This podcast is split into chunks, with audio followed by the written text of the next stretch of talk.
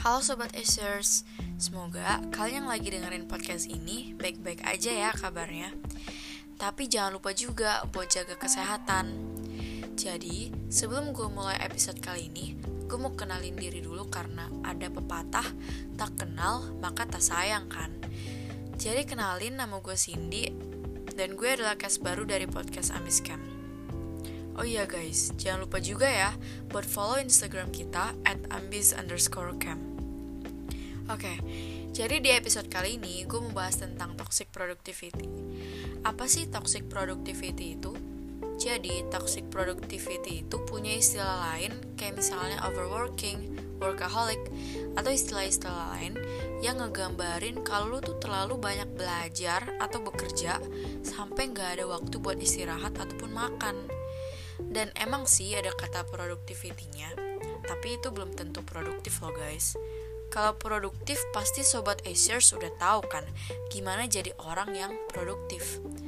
Menurut gue sih ya, kalau produktif itu contohnya kayak misalnya belajar dengan sungguh-sungguh.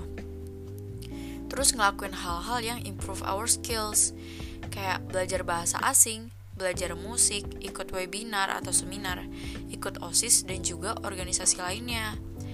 Namun, kalau kita ngelakuinnya secara sekaligus dan kita jadi nggak mau istirahat atau kayak kita nggak mau makan berarti itu udah termasuk ke toxic produ productivity ada beberapa penyebab terjadinya toxic productivity pertama biasanya orang-orang yang toxic productivity ini selalu mau menang sendiri guys kayak mereka itu selalu ngelakuin semuanya uh, untuk improve kemampuan mereka tapi mereka juga lupa buat istirahat ataupun makan.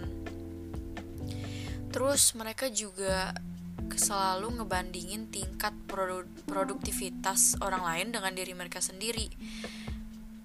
Padahal eh, padahal badan sama mental mereka tuh udah lemah banget, tapi mereka tetap paksain diri buat ngelakuin hal-hal yang emang improve skills mereka.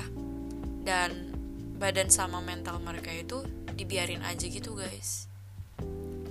Tapi kalau misalnya sobat Acers udah ngalamin hal-hal yang kayak gini tenang aja guys.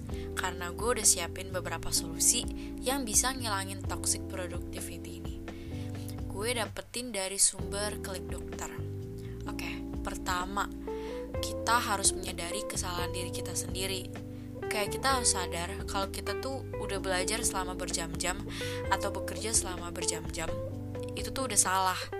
Karena biasanya orang-orang yang toxic productivity itu kayak nggak senang kalau misalnya ada waktu kosong gitu. Kayak mereka tuh nggak tenang nggak bisa tidur kalau ada waktu kosong. Jadi mereka ngisi waktu kosong tersebut dengan belajar lagi dengan bekerja lagi. Jadi mereka tuh kayak harus sadar kalau diri mereka tuh harus butuh istirahat gitu. Nah kemudian ada solusi yang kedua yaitu dengan mengapresiasi diri. Misalnya kayak ngelakuin hobi di waktu luang. Contohnya kayak nonton film terus belanja terus uh, main musik dan sebagainya. Kayak apresiasi diri kita yang udah mau bekerja atau belajar dengan kayak dengan kenceng dengan giat demi impian kita. Kemudian solusi terakhir yaitu kita harus bisa belajar atau bekerja secara efektif dan juga efisien.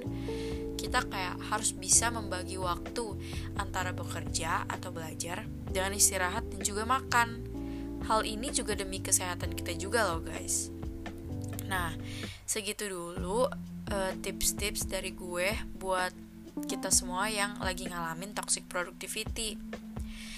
Di episode kali ini cukup sampai sini aja ya guys. Semoga solusi-solusi tadi bisa ngebantu kita buat keluar dari toxic productivity. Nantikan di podcast selanjutnya ya. Bye bye, sirs.